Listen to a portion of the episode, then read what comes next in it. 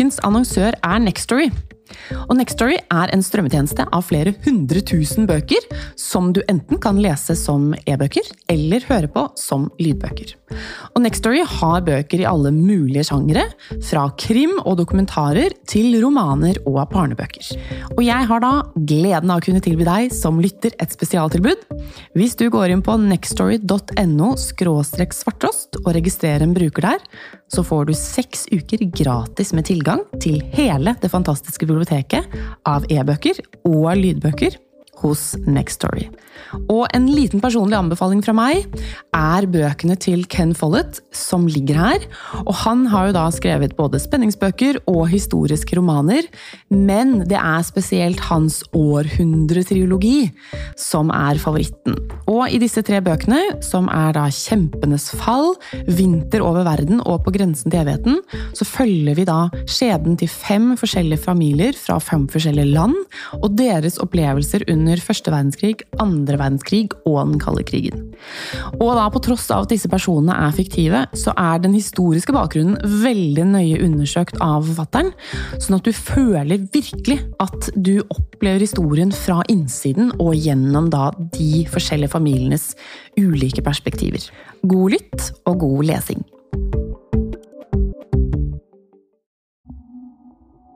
Du hører på Operasjon Charlie fra Svarttrost. Dette er den tredje av seks episoder, laga av Synva Hjørnevik og meg, Sindre Leganger. Første reaksjonen til Hans Erik når jeg forteller at du må bare holde deg langt unna Charlie, er jo selvfølgelig med litt skepsis. Altså fordi han har jo opplevd det som de fleste gjør når de opplever hun for første gang, og det er at hun er fantastisk. Kjæresteparet Bjørn og Anja har akkurat fortalt kompisen Hank von Helvete at legen han er på dealeren med, nok ikke er helt den hun utgir seg for å være. Han føler han har funnet kvinnen i sitt liv, og de har kjempebra kjemi. Så det tar litt tid for oss å overbevise han på telefonen om at her er noe som skurrer. Og da får vi også vite om eh, den betydelige summen som de har overført til Charlie for å hjelpe Hans Erik sin eh, MS-syke venninne.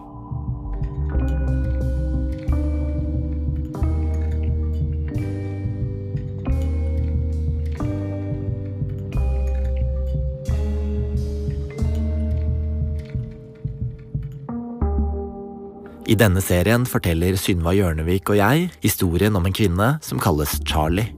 Som i årevis har lurt menneskene rundt seg, og nå har overbevist Hank og venninna hans Julie om at hun er nevrokirurg, og at i LA står det et sykehus klart til å ta imot Julie, sånn at hun skal få en varig behandling for MS-sykdommen sin. Som betaling har det blitt overført 132 000 til Charlies konto. Men rett før avreise så får altså Hank vite at Charlie ikke kan stoles på, og da er den første han ringer, Julie. Så satt vi der litt sånn målløse og Skal vi vente til i morgen da og se hva som skjer? Kan jo hende at det her ikke er riktig. Julie Aurora Trippestad befinner seg hos kompisen Richard, som etter planen skal være med henne til LA. Det er sommeren 2016, hun er 26 år og så hardt ramma av MS at hun er av og på lam, med anfall som sender henne rett på sykehus. Men nå står koffertene klare i gangen til Richard, og hun har lova sønnen sin hjemme at når mamma kommer tilbake, da skal de kunne leke sammen ordentlig igjen. Åssen er den dagen eh, mens du venter, da? Hva husker du fra det? Jeg drakk meg dritings. Det husker jeg. Hvis dette her var tilfellet, sa jeg jeg skal i hvert fall ikke være edru, sa jeg. Å gå ut med siste bang uansett, det var jo planen sånn i utgangspunktet, men da ble det mer sånn der uh, patetisk sånn Syns synd på seg sjøl drikke, drikke kveld med Richard, og jeg sitter der og ja, ja. Blir det noe av, så blir det noe. Blir det ikke noe av, så Da har vi tapt det vi har tapt. På telefonen hadde Hank ifølge Julie vært helt panisk og sagt at han skulle ringe rundt til folk for å finne ut mer om hva som kan ha skjedd. Utpå kvelden tar han kontakt igjen. Hvor han faktisk ringte og sa at det er svindel. Det er ikke noe tur. I flere måneder har Julie psyka seg opp til behandlingen til å tørre å stole på både Charlie og andre leger hun ikke kjenner fra før. Og hun har begynt å håpe på at hun faktisk kan bli bedre. Nå blir alt svart. Og hun orker ikke å gå inn i hva som kan ha skjedd. Ikke nå. Så skuffa som jeg var, så måtte jeg reise hjem. Så jeg tok vel et par dager hos Richard for å bare få summa meg litt og få ut frustrasjonen før jeg reiste hjem og hentet sønnen min, da, som eh, bodde hos meg på den tidspunktet der.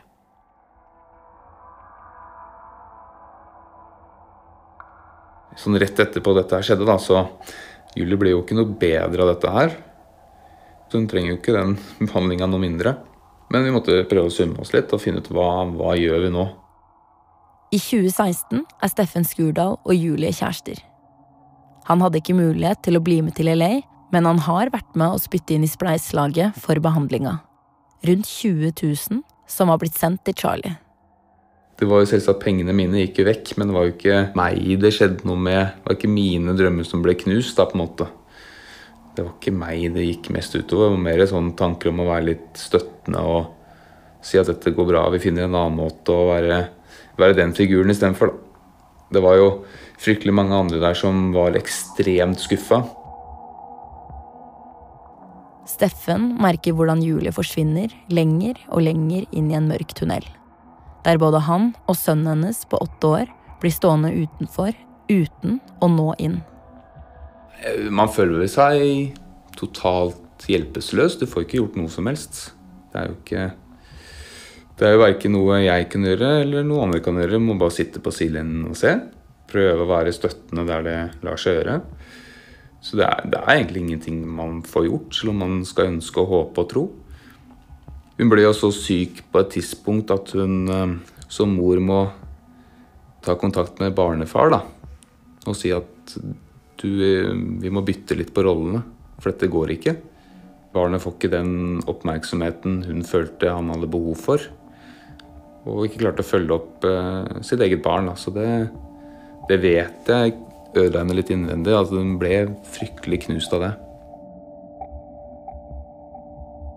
Etter at LA-turen ikke blei noe av, har ikke Julie orka å ha noe mer kontakt med Charlie. Det eneste hun har fått, er en melding der Charlie skriver at hun dessverre måtte avlyse fordi hun måtte jobbe. Fikk en ekstra operasjon, så det ble sent. Altså, Når du begynner å reflektere rundt hvem den personen her eh, Hva er det du holder på med, liksom? Hva, Mm. hva er det du tenker? Hvorfor og hvem er det her du har møtt? Altså, nummer én, jeg skyldte på Hans. Og han tok jo på seg all skylda sånn sett før jeg, og så sa at dette var din skyld for at du tenkte med feil hode. Så han prøvde jo liksom sånn Jeg vet ikke hvor mange ganger han ringte meg i den perioden der hvor han sa unnskyld, jeg. Det var hver dag mer eller mindre et par ganger om dagen i starten der også. Jeg sa nå må du gi deg. Nå må vi få finne ut av hvordan vi skal løse dette her. Og da klekkes det ut en plan. Så vi bestemmer oss sammen å, starte en gruppe på Facebook som heter eh, Operasjon Charlie. Den 14. juli 2016 stifter Marbella-Bjørn, kjæresten hans Anja og Hank et digitalt detektivnettverk på Facebook. Da har jeg opprettet en lukket gruppe her, så vi kan finne ut av dette sammen. Gruppebeskrivelsen er ofre for svindelsak mot arendalskvinne i 30-årene. Målet med Operasjon Charlie var jo i hovedsak å sørge for at de pengene som har gått fra dette veldedige fondet til denne syke personen, skulle, skulle komme kjapt tilbake. Juli legges til, kjæresten hennes Steffen og kompisen Richard. Bjørn kjenner dem ikke fra før, men opplevelsene med Charlie knytter dem sammen. Så da Steffen poster et bilde fra Charlies Angels i gruppa, smeller Bjørn straks inn en entusiastisk kommentar. Gjett hvem som er vår Charlie her, da. Så inviteres familien til Anja inn, de som hadde vært med på den ulykksalige Spania-turen. Broren hennes skriver at Charlie gjør ham rasende. Vet at det er andre som har blitt svindlet for mye verre ting i denne saken, men skal søre meg ikke komme seg unna med dette. Så begynner Bjørn og Anja å utvide kretsen. De leter seg gjennom Charlies Facebook-profil, tråler vennelista hennes, finner navn på folk de tror kan bidra, og kontakter dem. Alt baserte seg på å nøste videre hele veien. Så når vi snakket med én person, så kunne den personen nevne én situasjon den personen hadde hørt om tidligere. Og så klarte vi å komme i kontakt med den personen. Og etter hvert så valgte vi da å invitere disse her i den gruppen. Nye detektiver legges til med egne historier. En mann skriver at politiet skal ha hatt en sak gående mot Charlie for forfalskning av papirer. En annen tipser om at Charlie skal ha svindla folk ved å selge hunder som ikke finnes. Andre forteller at hun har solgt rideutstyr som ikke er hennes, og lurt folk til å betale frakt for en hest. Bjørn kommenterer. En vanvittig fantasiverden. Hun må ha enorm hjernekapasitet som klarer å skape dette universet for oss. Hun burde vært en kriminalforfatter. I et innlegg spør Anja om de ikke har nok til å anmelde Charlie nå. Vi snakker med flere og flere og hører flere og flere sinnssyke, insane historier. Og formålet er jo å få frem altså hele tråden i, i hvem Charlie er, da. Og så få anmeldt henne og få henne fengsla for svindel. Altså, etter hvert så hadde jo vi ganske mange mennesker inne i denne gruppen Operasjon Charlie. Stemningen er jo rett og slett at alle er litt sånn forvirret. Eh, fordi alle har tenkt litt sånn som vi tenkte med første opplevelsen her. Vi opplevde noe veldig rart. Vi tenkte ok, vi gidder ikke bruke mer tid på dette. Vi er ferdig med saken, vi går videre i livet. Men når de for første gang møter andre som har opplevd det samme, så blir jo det en veldig, veldig spesiell stemning der inne i forhold til at eh, her er det så ufattelig mye som ikke er kommet frem i, i lyset, som eh, vi må ta tak i. Men Julie selv, som gruppa jobber for å skaffe pengene tilbake til, er blant de som skriver minst. Korte kommentarer, en opplysning her, et screenshot der, det er alt hun orker. I en tråd om hvordan de skal komme videre i etterforskninga, der Bjørn, som en slags mesterdetektiv, fordeler ledertråder til gruppemedlemmene, skriver Julies kjæreste, Steffen, at det er best om hun blir skjerma. Hun har det ikke bra.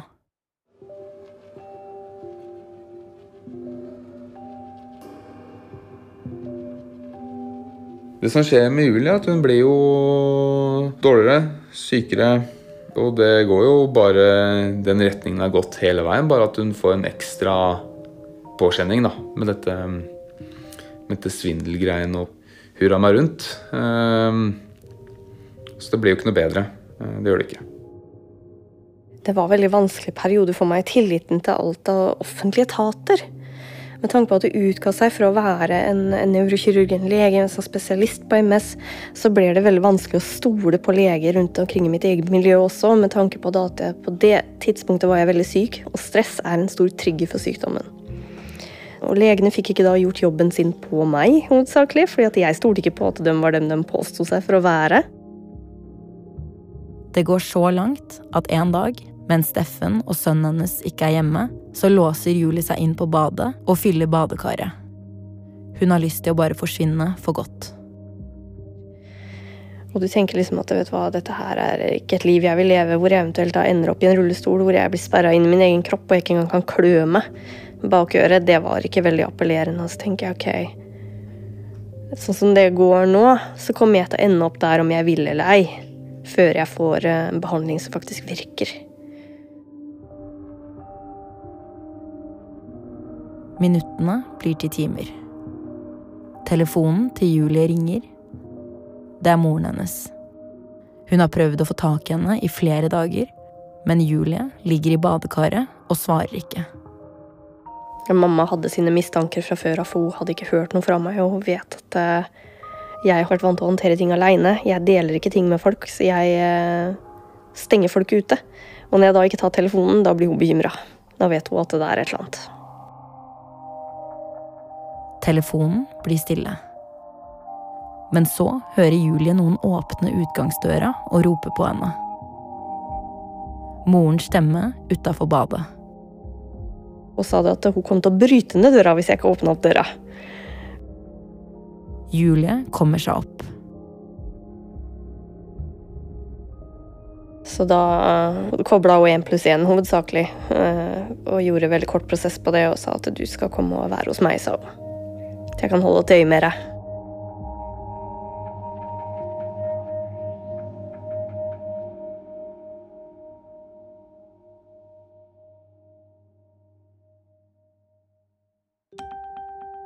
Imens fortsetter den digitale jakten på Charlie. Mesterdetektiven Bjørn har oppretta flere undergrupper av operasjonen, og i en av dem, gruppa Svindleren fra Arendal, dukker det opp et nytt innlegg som fanger Bjørns interesse. Fra en mann med en Charlie-historie som Bjørn aldri har hørt maken til. Bjørn leser. Jeg og min kone ble svindlet av henne i fjor, da vi valgte å selge huset. Det siste året har vært et helvete hvor vi bare har kranglet. Nå går jeg mot skilsmisse av henne.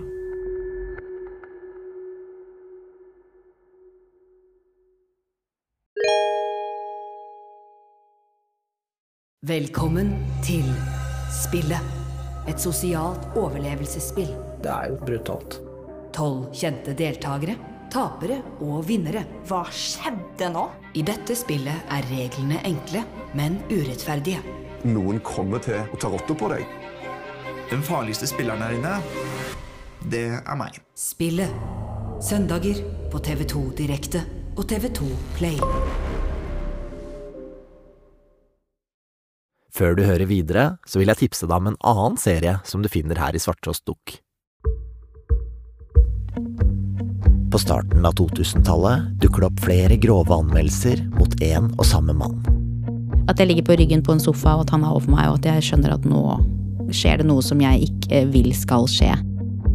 Mannen er en kjent stripper og flammesluker, og etter hvert også danser på TV. Men da spotlighten slås av, gjør han forferdelige ting. Dytter meg videre inn på guttedoen, og jeg sier nei. Men selv om anmeldelsene renner inn, så blir sak etter sak henlagt av politiet. Jeg hadde en sånn følelse at de trodde jeg fortalte eventyr. Og jeg sto der, og jeg husker jeg nesten unnskyldte meg selv for at jeg besvimte. Hvordan er det mulig å gjøre systematiske overgrep i 13 år uten å bli stoppa? Og han sier hvis ikke du holder kjeft, så skal jeg drepe deg. Hør serieovergriperen Julio Kopseng i Svarttrostdukk. Nå tilbake til episoden. Situasjonen vår når vi valgte å skulle selge huset vårt, var jo egentlig veldig fin. Vi har to små barn, lykkelig gift, og alt var egentlig veldig, veldig bra. Det her er mannen vi kaller Amir. Han jobber i en butikk i Drammen, og vi møtes på et bakrom som Amir bruker som kontor. På skrivebordet ved siden av oss har Amir plassert bilder av familien sin, kona og to barn. Det er for å skjerme dem at Amir ikke vil at vi skal bruke det ekte navnet hans. Han syns det er kjipt å snakke om opplevelsen hans med Charlie, dels fordi han føler seg dum, og dels fordi han allerede har brukt vanvittig mye tid og krefter på henne. Men samtidig syns han det er viktig at det kommer fram, for Charlie skylder Amir mange penger. Og Amirs historie starter med at han er lei av å klippe plenen. Vi hadde stort hus, men ville ha ikke mindre hus, men litt mindre tomt, for det var veldig mye hagearbeid. Det er seinsommeren 2015, altså et år før Hank og Julie blir dratt inn og Operasjon Charlie starter. Amir og familien bor i et fint hus med utsikt mot Drammensfjorden. Men tomta er svær, og i en skråning vokser det fullt av trær og busker som stadig må holdes nede. Amir og kona har akkurat fått sitt andre barn, og med en jente på seks fra før, så har de nok å gjøre. De ønsker seg noe annet og legger ut huset for salg. Vi har jo megler på besøk, og ting ser veldig bra ut. Bildene og alt så bra ut. Takstene vi fikk, var jo veldig fornøyd med. Og så får vi jo et bud på takst før visninga, og det takker vi nei til etter råd fra megler. At det kommer til å være mange på visning.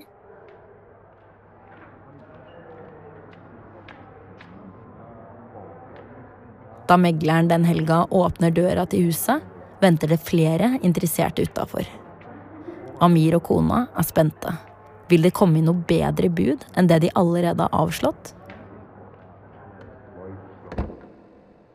Da visningen egentlig er ferdig, ringer meglerens telefon. Det er fra et interessert par som gjerne vil komme og kikke. Charlie og den daværende kjæresten hennes. Megler får en telefon fra Charlie at uh, de har lyst til å komme opp der. Og megler går uh, rundt på huset, og så var jeg veldig fornøyd. Og så kommer det bud fra de på jeg husker ikke at det var 150 000 over takst. Og det var vi fornøyd med, og det takka vi ja til. Vanligvis kreves det et finansieringsbevis fra banken for å legge inn bud. Men Charlie forteller Amir og megleren at det er moren hennes som skal betale for huset. Ifølge Charlie har moren hele summen stående på konto og vi overfører pengene direkte til meglerhuset. Og det skulle ikke være noe bank inne i bildet her. Og vi fikk jo alt av personnummer, kopi av bankkort og alt det der, så alt så jo veldig bra ut. Vi har prøvd å spørre megleren til Amir om hvorfor de ikke krevde et finansieringsbevis, men han har ikke svart. Men da megleren får en SMS fra det som skal være Charlies mor, der det står at hun for tiden er i utlandet, men at når hun er tilbake, vil hun kontakte banken og overføre pengene som avtalt. Da mener megleren, ifølge Amir, at alt er i orden. Som megler sa, hun, så hun har penga, så alt ser greit ut. Amir og kona aksepterer budet og signerer kontrakten. Jeg var veldig letta og glad, det var jeg. Nå veit de hvor mye de har i budsjett, og kan finne seg et nytt hus med litt færre trær og busker denne gangen. Ja, det var planen å flytte enten over nærheten området der vi hadde huset, eller å flytte litt nærmere byen, da. Men så begynner problemene å dukke opp. Noen dager etter at de signerte avtalen, får Amir en e-post fra megleren. Det står at kjæresten til Charlie har ringt og sagt at moren hennes, altså hun som skulle betale for huset, har fått jernblødning. Pengene vil derfor bli én uke forsinka. Da tar jo megler kontakt og spør om det er greit for meg. Og så selvfølgelig, vi bryr oss om mennesker. Og de syntes jo dette var veldig trist, at mora lå på sykehus og var veldig dårlig. Og vi sier ja, ikke noe problem, og får den tida de trenger.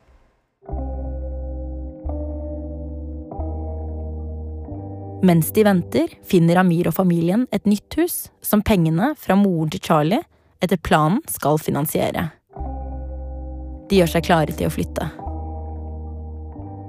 Men så ser vi at det går plutselig én uke, to uker, det skjer jo ikke noe. Og da begynner megler å purre, og purre, og så da har det jo gått såpass lang tid. Og så er det jo, når det har gått en måned, da blir det litt sånn kritisk.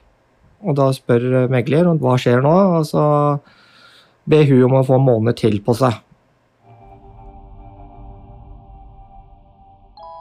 Charlie skriver at moren hennes fortsatt ligger på sykehuset, så hun vet dessverre ikke når pengene kan overføres.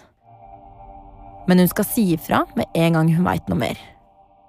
Jeg ble egentlig først veldig forbanna, og så ble jeg både skuffa og sånn. Bare hvorfor aksepterte vi ikke vi første budet på takst? For da kunne vi vært ferdig med det.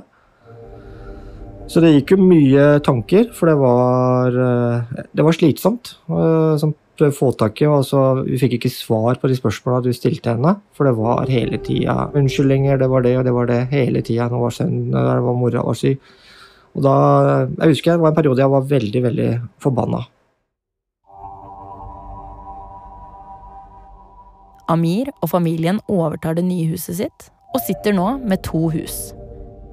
Ett som de har solgt, men ikke har fått penger for, og ett som de har tatt opp et svært og dyrt mellomfinansieringslån for å betale for. Og selv om Charlie skriver på melding at hun skal dekke utgiftene deres, så begynner det å bli kritisk for familieøkonomien og stemningen mellom Amir og kona. Og det var jo slitsomt for kona mi med to små barn og alt det her. Og midt i flyttegreiene og sånt.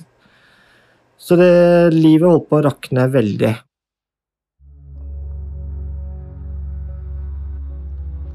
Amir bestemmer seg for å gjøre det han kan for å speede opp prosessen. Så istedenfor å gå gjennom megleren, så sender han Charlie en melding direkte og ber henne ta kontakt. Jeg får ikke ringt siden jeg legger barn. Jeg har heller ikke noe nytt å melde. Min mor er fremdeles på sykehuset. Amir skriver Ok, skal dere ha huset? Hvis du vet at dere ikke kan betale, så gi megler beskjed. Jeg gir beskjed når jeg vet noe sikkert. Jeg ønsker selvfølgelig å overta. Amir svarer at han trenger et endelig svar nå. Fordi, sitat, vi lider veldig her og havner veldig bakpå økonomisk. Jeg kan ikke gi deg et endelig svar enda. Om det er noe, så ser jeg at du sender meg det skriftlig. Over to måneder etter at de egentlig avtalte at pengene skulle overføres, mottar meglerkontoret en e-post. Det er fra Charlies mor, hun som tidligere, via en SMS, skulle ha bekrefta at hun skulle betale for huset. Det viser seg å ikke stemme. Det står Nyheten for meg vedrørende min datter, at hun har kjøpt bolig og lovet at jeg skal stå for betalingen, om slikt er skrevet, er det totalt uten min vitende. Og så, med store bokstaver, jeg har intet med dette å gjøre. Jeg har ikke økonomi til dette, og kan ikke betale for dette. Jeg tror min datter må være syk og trenger psykiatrisk hjelp. Slike handlinger slash misbruk av andres personnummer er jo forbudt. Såpass oppfattelsesevne burde hun være innforstått med. Om ikke, da forstår hun ikke fakta virkelighet. Og da skjønte vi når hun skriver at uh, dattera er syk, og skjønte vi at her er det en dame som har problemer. da. Men uh, samtidig så ble jeg egentlig veldig imponert over henne, på hvordan hun holdt på. Hvordan hun manipulerte mennesker, og hvordan hun prata og alt det der. For hun var, hun var, hun var faktisk veldig god. Og sånn, Det var alle de ordene du prata med i telefon, eller om du sendte henne melding eller mail. Hun visste eksakt hva hun skulle si. Og hun tenkte seg litt om, og så svarte hun. Hun hadde steinkontroll på det, hva hun drev med. Amir sender en oppgitt melding til Charlie, der han spør hvorfor hun holder på sånn som hun gjør, og at sitat, hele saken med deg har bare vært tull fra første dag. Charlie svarer. Jeg ga beskjed til megler i går. Jeg får betalt i løpet av neste uke. Det å mase og ringe i ett sett forandrer ikke saken, og du begynner å bli ufin også. Ha en fin kveld. Amir innser at selv om Charlie fortsetter å love at betalingen for huset hans bare er noen dager unna, kommer pengene aldri til å komme. De må prøve å selge huset på nytt. Og da blei det jo litt laber stemning eh, på både hjemmefronten og ut i markedet. For det var, folk skjønner jo her er det, hvorfor har den huset her kommet ut på markedet igjen. Og det var veldig mye spørsmål til megler hvorfor det er det her, og, og da var det mange som trakk seg. Og da måtte vi selge boligen med tap. Med den lavere prisen på huset med meglerkostnader i to runder, med å fylle et tomt hus med boligstylingsmøbler og det dyre mellomfinansieringslånet som bare varte og varte, så anslår Amir at de tapte flere hundre tusen på hele prosessen. Verst går det utover forholdet mellom han og kona. De krangler om pengene, om hvem sin skyld alt sammen var, om hvordan de kunne la seg lure på den måten. Det går så langt at kona tar med seg de to ungene og flytter til en venninne. Amir tar det tungt. Jeg lå i fosterstilling i mange kvelder, natt, over lang periode. Når uh, kona flytta uten barna, du ligger aleine på en sofa, hadde ikke matlyst, uh, fikk ikke sove, det var så mye tanker i huet, så du lå da bare der og tenkte og tenkte. Hvorfor eh, skjedde dette med meg? Hvorfor her? Eh, Hvordan var det med selvfølelsen din, da? Jeg er såpass sterk personlig, men eh, jeg mener at det hadde vært en annen person da, som hadde sittet i en situasjon her, så kunne det gått gærent. For er det en som sliter med selvfølelsen, så kunne han tatt livet av seg sjøl. Det var en til to ganger kanskje at jeg tenkte nei, dette orker jeg ikke. Men det var ikke noe tanke ja, Men jeg kan tenke meg hvis det hadde vært en annen person, så tror jeg det kunne gått gærent.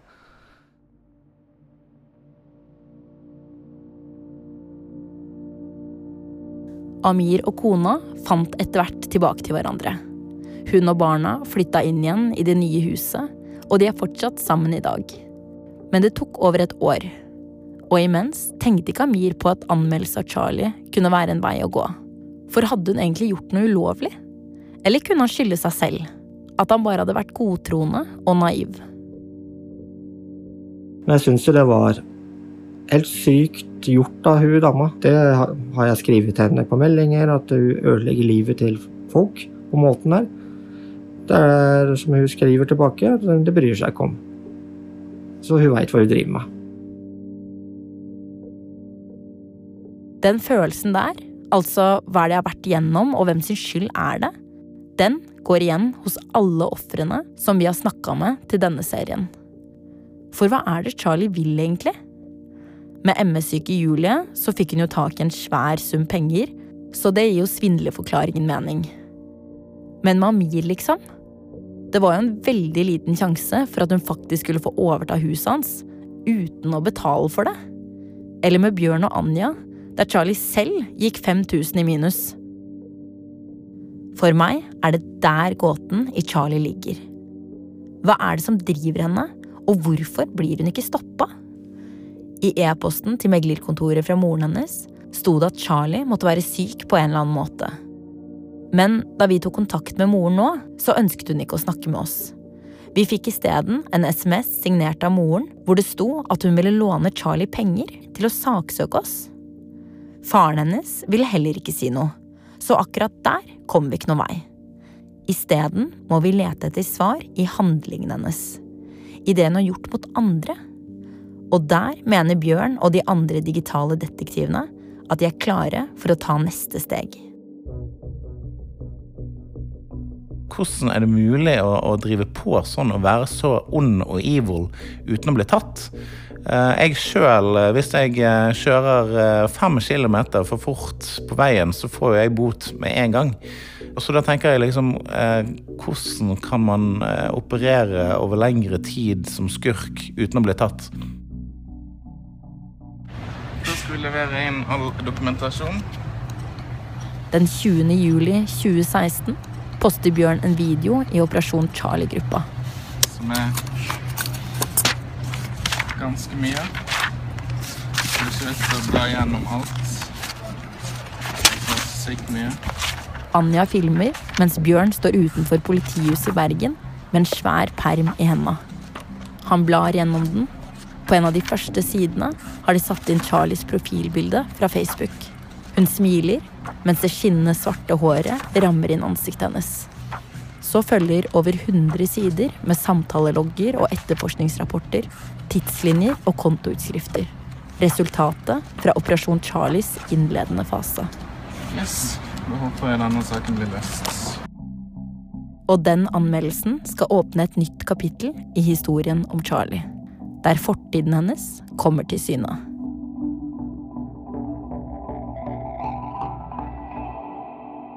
Charlie har flere ganger fått mulighet til å bidra i denne serien og svare på alt som kommer fram. Det har hun ikke ønska. Og Charlie er ikke det ekte navnet hennes.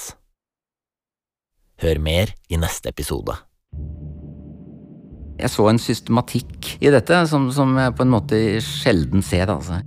Bare det å skulle sitte og fortelle alle disse grusomme tingene som hun har gjort, mens hun sitter og ser det rett inn i øynene, det er eh, ikke en veldig behagelig situasjon å være i. Det er noe galt med meg, utbryter hun plutselig midt i sin forklaring. Hadde jeg klart å forklare det for dere, hadde jeg også klart å stoppe meg selv. Hvis du har lyst til å høre flere episoder av denne serien nå, så kan du bli abonnent på Svarttrost Dukk.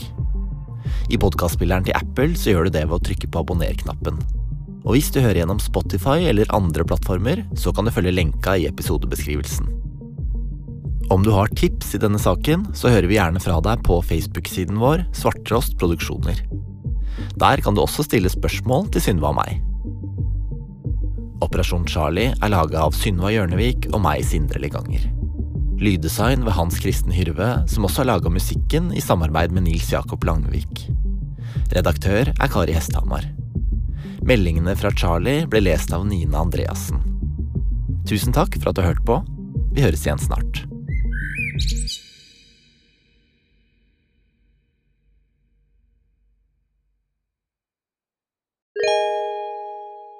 Har du et enkeltpersonforetak eller en liten bedrift? Næringsoppgave, MVA, årsregnskap, avmelding Du er kanskje usikker på hva som skal leveres når og hvordan? Regnskapsprogrammet Fiken gir deg full kontroll, og skulle du glemme noe, gir vi deg en påminnelse.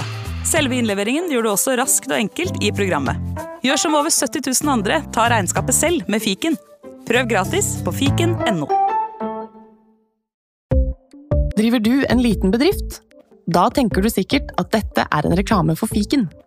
Men det er det ikke, for vi er Folio. Folio er en banktjeneste for bedrifter, og vi er fikenbrukerne sin absolutte favoritt. Med Folio får du nemlig en superenkel nettbank og kjappere regnskap. Dessuten får du påminnelser om alt du ellers må huske på. Med Folio er alt samlet på ett sted, og du får umiddelbart kontroll over utgifter og kvitteringer. Besøk folio.no og se hvorfor bedrifter foretrekker oss fremfor de store bankene. Folio smartere enn banken.